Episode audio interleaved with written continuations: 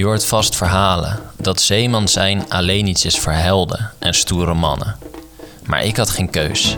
Ik had geen huis en weinig kans op een goede toekomst.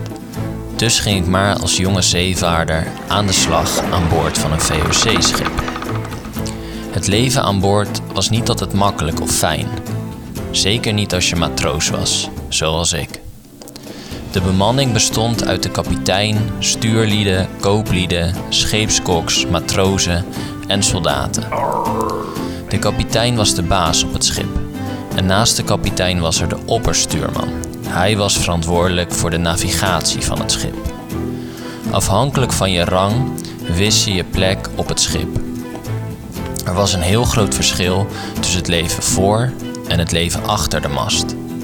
Het leven achter de mast was weggelegd voor de kapitein en onderofficieren. Dit waren de bemanning met hoge rang. Zij hadden een comfortabele hut, lekker eten en soms zelfs toneel en muziek. En aan boord moest hard gewerkt worden en iedereen had zo zijn eigen rang met bijbehorende taken op het schip. Helemaal onderaan sta ik. Ik ben matroos, de laagste rang, samen met de soldaten. Wij leven in het gedeelte voor de mast. We slapen op zakken met stro of in hangmatten. En het voedsel wat we krijgen is vaak van slechte kwaliteit. Het heeft ook weinig vitamine.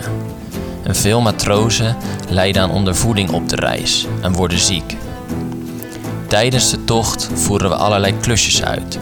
We schrobben het dek, repareren het schip, bedienen de zeilen en als we aangevallen worden, moeten we het schip beschermen tegen plunderingen. Als ik dit vooraf had geweten, weet ik niet of ik matroos was geworden.